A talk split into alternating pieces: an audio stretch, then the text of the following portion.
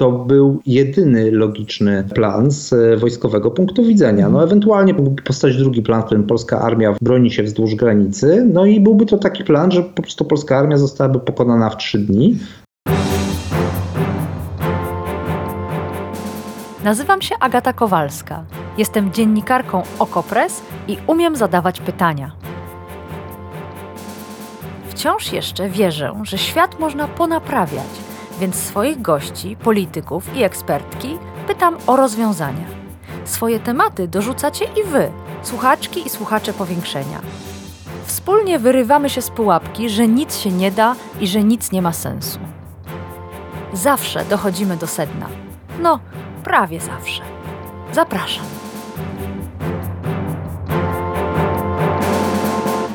Gdyby Donald Tusk nie istniał, to Prawo i Sprawiedliwość chyba musiałoby go samo wymyślić. Nawet nie wiem, jak prowadziliby kampanię wyborczą, gdyby nie słowo Tusk, słowo groźba, słowo oskarżenie, słowo klucz. Oni rzucają w tłum słowo Tusk, a dla tłumu już wszystko jasne. Tuska Prawo i Sprawiedliwość oskarża absolutnie o wszystko, między innymi o to, że chciał pół Polski oddać Rosjanom. To ostatnie oskarżenie ma swoją chwytliwą nazwę linia zdrady Tuska i o niej dzisiaj będziemy mówić w powiększeniu. A jeśli chodzi o pozostałe oskarżenia, to możecie się im przyjrzeć dzięki pracy Adama Leszczyńskiego, który na łamach Okopres przejrzał, żebyśmy my nie musieli, spoty wyborcze Prawa i Sprawiedliwości. Leszczyński e, zatytułował swój artykuł Spoty wyborcze PiS, strumień hejtu, rasizm i straszenie Tuskiem. Tusk, Tusk, Tusk, Tusk, Tusk. Nie jest to łatwa lektura i to nie tylko ze względu na samopoczucie lidera Platformy Obywatelskiej. To jest wytrawny polityk, pewnie sobie poradzi. Natomiast to, w jaki sposób Prawo i Sprawiedliwość komunikuje się w tej kampanii, wpływa bezpośrednio na naszą świadomość, wpływa bezpośrednio na to, jak my się czujemy i jak zaczynamy myśleć. I to jest najgorsze, to jest najbardziej przerażające.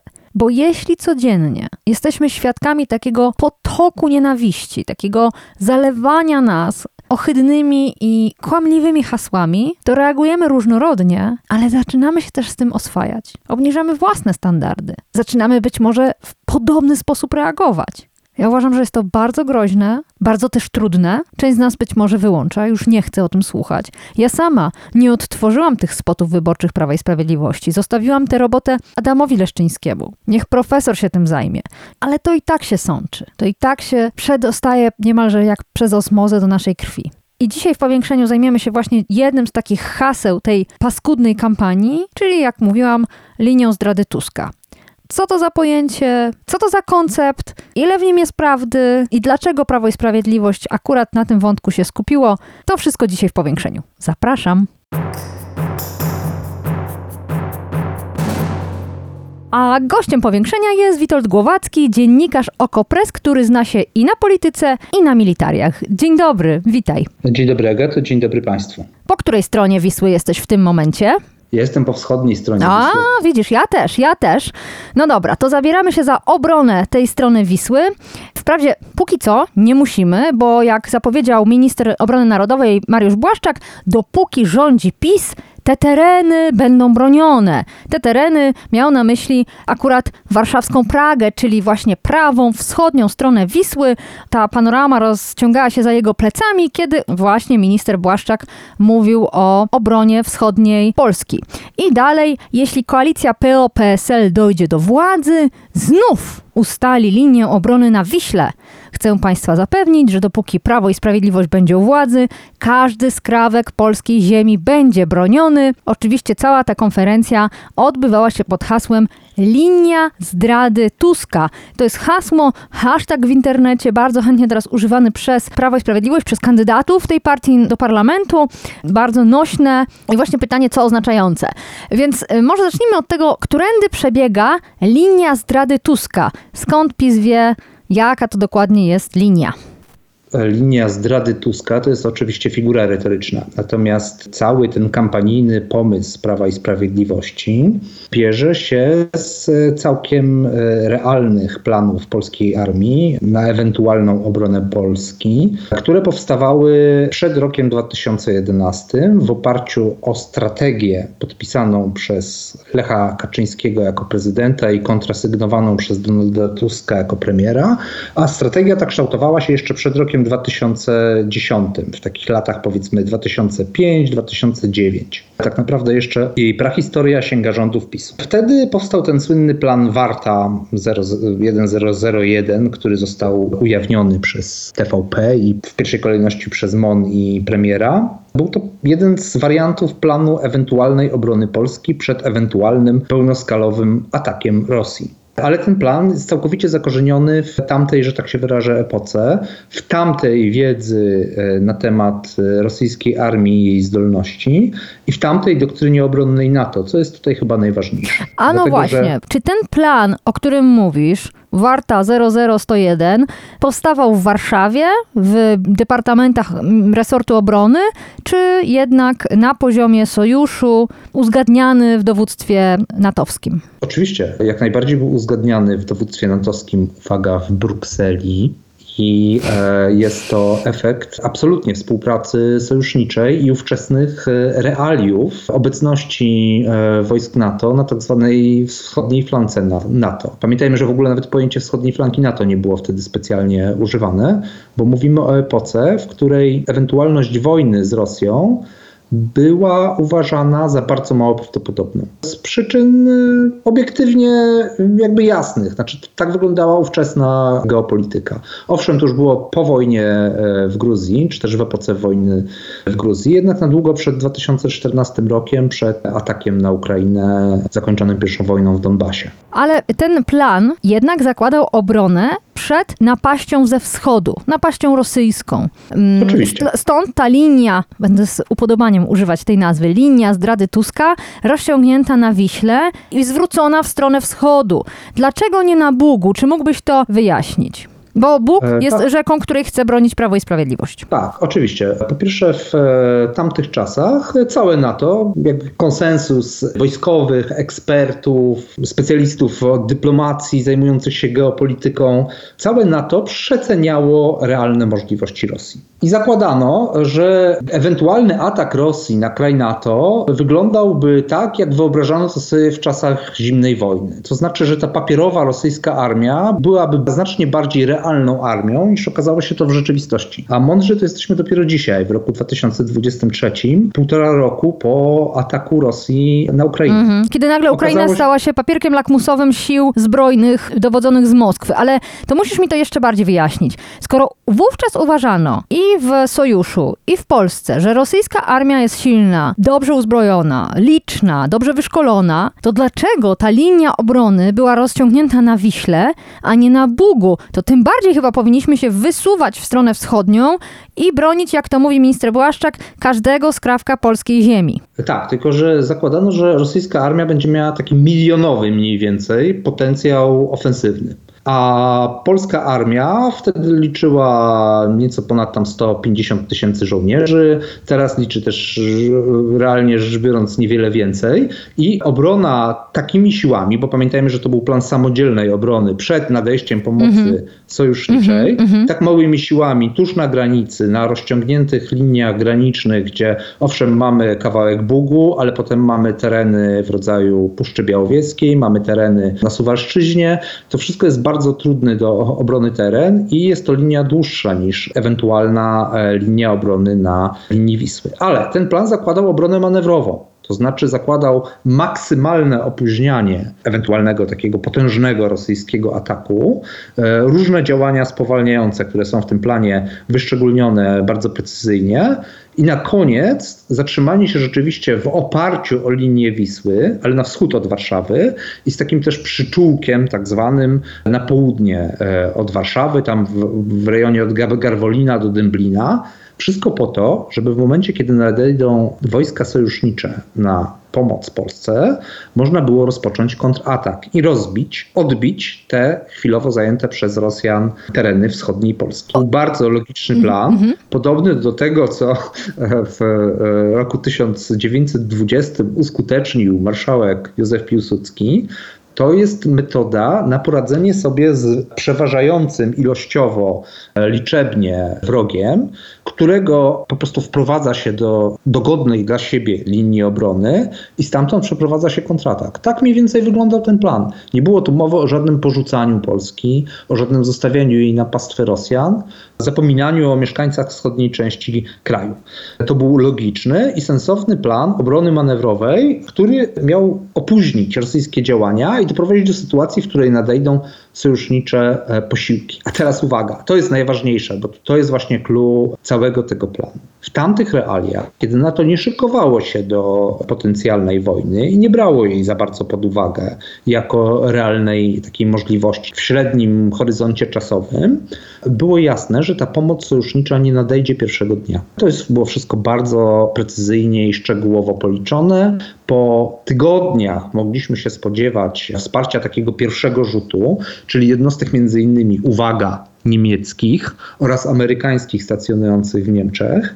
Natomiast ściągnięcie wielkich, takich potężnych, koniecznych do walki z ówcze, ówcześnie pojmowaną Rosją jak równy z równym sił amerykańskim, to była kwestia miesięcy, nawet trzech zanim te wszystkie amerykańskie dywizje na statkach dopłyną do Antwerpii, Hamburga czy daj Boże Gdyni i tam zostaną wyładowane i przygotowane do walki. Więc tak to, wówczas wyglądały realia. To wyjaśnij to na... osobom, które mieszkają na wschód od Wisły i które wedle wizji Prawa i Sprawiedliwości byłyby bezpieczne, bo niemalże żadna stopa rosyjskiego żołnierza by tu nie stanęła, jeszcze pewnie by ich zatrzymała ta zapora, czyli płot na, na granicy z Białorusią. A tu mówisz o tym, że Polacy nie tylko musieliby bronić się sami, czekać na pierwsze wsparcie kilka tygodni, a na poważniejsze wsparcie nawet kilka miesięcy.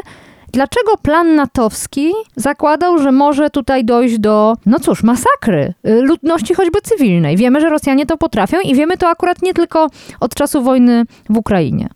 Nie, plan natowski tego nie zakładał. Ten plan obrony Polski, każda armia przygotowuje takie plany obrony kraju na wypadek różnych, często bardzo egzotycznych możliwości. Wtedy, w roku 2011 i w latach poprzedzających rok 2011, kiedy powstawała owa strategia obronna, po prostu wojna z Rosją jawiła się jako coś bardzo mało prawdopodobnego. Czyli coś, do czego nie należy się w sposób pełnoskalowy szykować, rozstawiając bazy mm -hmm. wojsk sojuszniczych mm -hmm. wzdłuż linii granicy, mm -hmm. tylko jako coś, co należy traktować jako taką pewną ewentualność.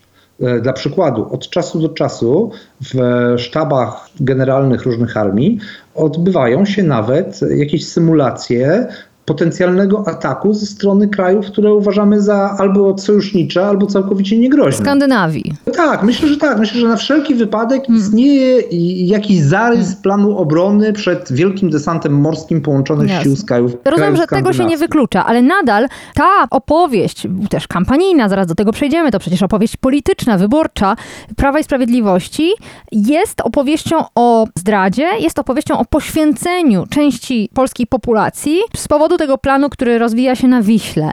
Więc czy Błaszczak przynajmniej w tym ma rację, że ówczesny plan przewidywał jednak straty, duże straty ludności cywilnej? To znaczy on przewidywał cofanie się armii na linię Wisły, ale nic innego nie mógł przewidywać, bo w tamtym ówczesnym rachunku sił, który zresztą był błędnym rachunkiem sił i tutaj jakby całe NATO mogłoby się uderzać w piersi, przewaga Rosjan wynosiłaby jak 4-5 do 1. Mhm. Więc mhm. to był jedyny logiczny plan z wojskowego punktu widzenia. No ewentualnie mógłby powstać drugi plan, w którym polska armia w swojej ówczesnej sile bez sojuszniczego wsparcia broni się wzdłuż granicy, no i byłby to taki plan, że po prostu polska armia zostałaby pokonana w trzy dni a następnie Rosjanie zajęliby sobie e, co tylko by chcieli, aż do nadejścia ewentualnego jednostek sojuszniczych. Mhm. To teraz przenosimy się w czasie i w zasobie wiedzy. To jest absolutny paradoks. Z jednej strony już wiemy, że rosyjska armia ani nie jest tak świetnie wyszkolona, ani tak świetnie uzbrojona, ale z drugiej strony już teraz wiemy, że potrafi zaatakować sąsiedni kraj, w tym przypadku Ukrainę. Czy plan Warta został wyrzucony do kosza na śmieci?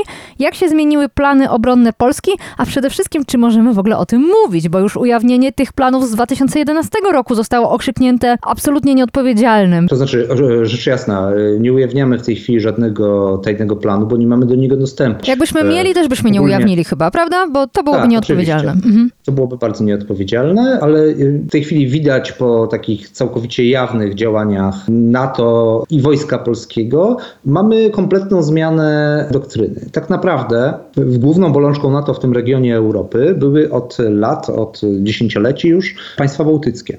Bo to one były tymi najtrudniejszymi do ewentualnej obrony i ratowania przed rosyjskimi zakusami krajami. I to one e, były tymi krajami, które postrzegano i postrzega się do dzisiaj jako te, które mogą zostać potencjalnie przez Rosję w jakiś sposób e, zaatakowane. Ze względu na przede wszystkim na ich geograficzne położenie, tak? tak, oprócz tego są to kraje małe, dysponujące no, proporcjonalnymi do swojej liczby ludności, ale no, przez to niewielkimi siłami zbrojnymi. Owszem, nieźle wyposażonymi, nieźle wyszkolonymi. E, To są kraje, które na potęgę pomagają Ukrainie. Estonia jest bodajże pierwsza na liście pod względem wkładu z swojego PKB w przeliczeniu na PKB pomoc Ukrainie.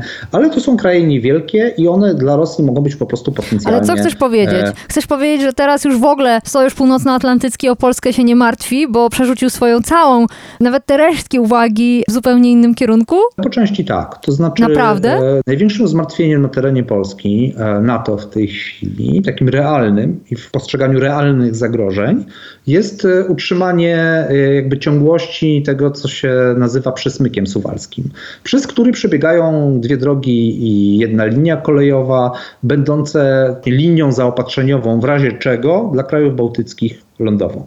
To jest główne zmartwienie, żeby Rosjanie w jakiś sposób, podejmując jakieś wrogie działania względem krajów bałtyckich, nie przerwali tego oto bardzo ważnego takiego odcinka zarówno polskiej granicy, jak i po prostu pasa terenu będącego linią komunikacyjną. To ty mówisz o przesmyku suwalskim, a minister Błaszczak szerokim gestem z Warszawy sięga aż do e, Bugu. No to jak rozumieć ten jego przekaz? Rosja sama sobie powiedziała sprawdzam, atakując Ukrainę i wtedy dowiedzieliśmy się, że e, maksymalny taki potencjał ofensywny rosyjskiej armii to jest nie więcej niż dwieście kilkadziesiąt tysięcy żołnierzy, bo tylu ich w szczytowych momentach tej wojny e, jakby w niej uczestniczyło, ale jakby wiemy, że taki jest w tej chwili potencjał Rosji. I taki potencjał Rosji to jest potencjał, wobec którego nawet armia pojedynczego kraju NATO, takiego jak Polska, mogłaby stanąć jak równy z równym i bronić się być może na poziomie zbliżonym do poziomu ukraińskiego.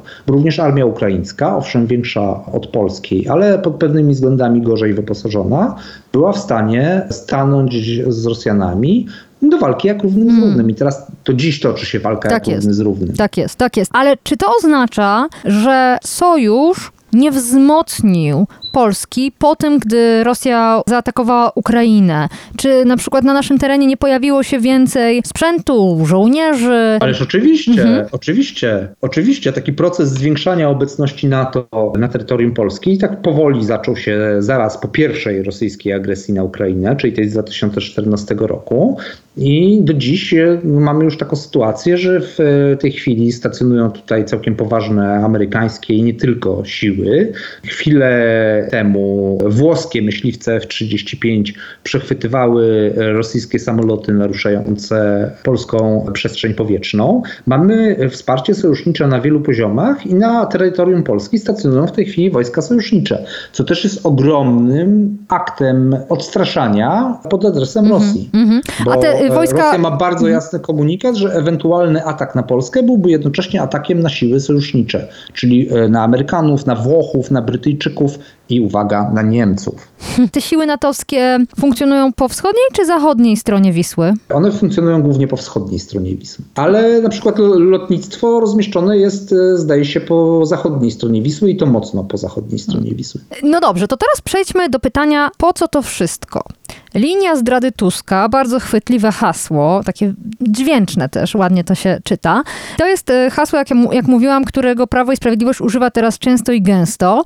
Dlaczego Prawo i Sprawiedliwość to robi i dlaczego się e, tak długo trzyma tej narracji? Czy ona rzeczywiście się opłaca? Jak to oceniasz już porzuć swój kapelusz speca od militariów, speca od wojskowości, załóż kapelusz dziennikarza sejmowego, dziennikarza politycznego. Czy rzeczywiście ta tematyka obrony Polski przed rosyjskim zagrożeniem jest tak nośna? Wcale to wbrew pozorom nie jest aż tak naiwne pytanie, choć zdarzają mi się takie, dlatego że wydaje się, że w Polsce o wiele mniejszym stopniu śledzimy wojnę w Ukrainie. Fronty, ostrzały, liczbę ofiar, postępy ukraińskie, porażki rosyjskie. Mam wrażenie, że trochę z tą wojną się oswoiliśmy. To tym bardziej dziwi mnie, że Prawo i Sprawiedliwość akurat w te akcenty uderza. Dlaczego? No ja myślę, że to jest to, co w ogóle przyświeca prawie każdemu działaniu Prawa i Sprawiedliwości w tej kampanii, czyli walka o mobilizację elektoratu i potencjalnego elektoratu, którego jak wiemy na przykład z naszych badań i Ipsosa dla Okopres i TOPFM-u, PiS ma już jakby w rezerwie bardzo mało. Więc e, PiS musi walczyć w tej chwili o to, żeby jego dotychczasowi wyborcy znów chcieli pójść do urn i znów chcieli zagłosować na PiS. I robi to na kilka różnych sposobów, które wszystkie są skoncentrowane wokół osoby e, e, Donalda Tuska i demona, jakim jest w retoryce PiS Platforma Obywatelska, takiego wielogłowego demona, ale który ma jednak jedną wielką głowę i tą jedną wielką głową jest e, Donald Tusk. I ta opowieść powtarzana w tak nachalny i zmasowany sposób o linii zdrady Tuska, ona być może może trafić do części elektoratu Prawa i Sprawiedliwości, właśnie z tych wschodnich części Polski. Wielokrotnie powtórzona e, ta opowieść może sprawić, że ci ludzie e, rzeczywiście uwierzą, że Donald Tusk chciał ich porzucić i zostawić na pastwę Rosjan nie można zagłosować na Donalda Tuska i nie można dopuścić do tego, żeby ci źli, ci, ci z Warszawy, ci z zachodniego brzegu e, Wisły, ci z Poznania, którzy w ogóle są daleko od Wisły, żeby oni sobie wybrali tego Tuska i po, żeby, po to, żeby porzucić Polskę Wschodnią po raz kolejny. No i tutaj znowu mamy całą tę opowieść PiSu, nie tylko z tej kampanii, ale w ogóle z ostatnich ośmiu lat, o tym zacieraniu różnic między Polską A a Polską B, między Polską Wschodnią a Polską Zachodnią, między centrum e, i metropoliami, a peryferiami. No to jest taka opowieść PiSu, w którą to też się jakoś tam wpisuje. Za każdym razem tym złym, który chciałby peryferia stały jeszcze bardziej pogrążone, e, jest w tej opowieści e, Donald Tusk i ta narracja jakoś tam jest koherentna z resztą e, całej tej takiej wielkiej narracji PiSu. O ludziach porzuconych, którzy odzyskują godność dzięki Prawu i Sprawiedliwości. Odzyskują godność ekonomiczną, odzyskują godność taką symboliczno-polityczną i w tym wypadku odzyskują również godność jako obywatele, których warto bronić. Tak działa retoryka PiS i tak jest skonfigurowana, żeby mobilizować elektorat tej partii ona nie trafi do e, praktycznie nikogo poza tym elektoratem, dlatego że większość jakby pozostałych wyborców z innymi źródłami informacji może skonfrontować tę opowieść o linii zdrady Tuska z faktami, z komentarzami wojskowych, ekspertów, takich jak Michał Picharski, który pisał dla nas, ale no przecież wypowiadali się o tym już naprawdę wojskowi eksperci z takiej pełnej gamy po skonfrontowaniu tej wiedzy z opowieścią PiSu widzą, jak ona grubymi nićmi jest szyta. Natomiast y, elektorat PiS może to zmobilizować do y, udziału w wyborach, do jakiejś właśnie próby powstrzymania tego powrotu, tego złego Tuska. No, eksperci od y, wojskowości nie ukuli jakiegoś chwytliwego hasła, takiego jak linia zdrady Tuska. W związku z tym chyba ich przebicie się do opinii publicznej jest na dużo niższym poziomie, ale możemy to troszeczkę naprawić, jeśli zajrzycie na okopres do tekstu wspomnianego Michała Piekarskiego. Tekst jest z 23 września i ma tytuł Czy wojsko polskie miało bronić się na linii Wisły? Sprawdzamy spod Błaszczaka.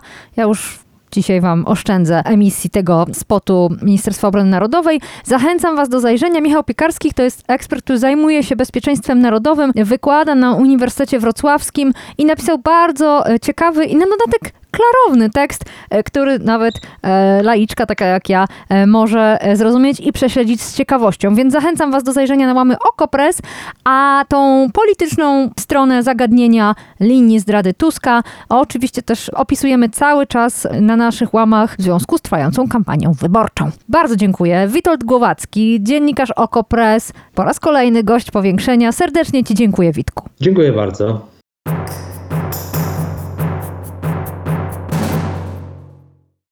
Trochę się wyśmiewam z tej linii zdrady Tuska, czyli hasła, którym Prawo i Sprawiedliwość posługuje się jak biczem, ale też jak mówiłam we wstępie, naprawdę mnie to martwi. Zastanawiam się, jakie są wasze sposoby na tę kampanię wyborczą. Czy już zupełnie zohydzono wam wybory? Co bierzecie pod uwagę, zastanawiając się, na kogo zagłosować? I czy ważne są dla was programy wyborcze?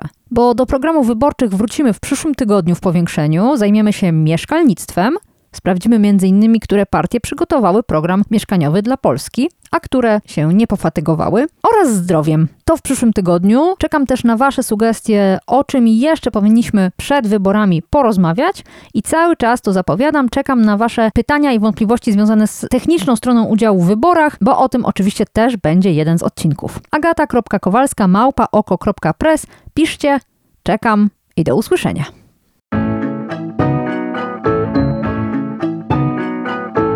To było Powiększenie, podcast Agaty Kowalskiej. Produkcja Bartosz Weber. Powiększenie znajdziesz na stronie Okopres i w Twojej ulubionej aplikacji do podcastów. Masz pomysł na temat albo komentarz?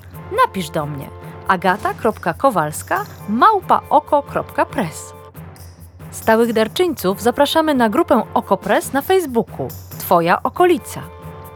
Tam też toczymy dyskusje o świecie i o podcaście. Dziękujemy za Wasze wsparcie.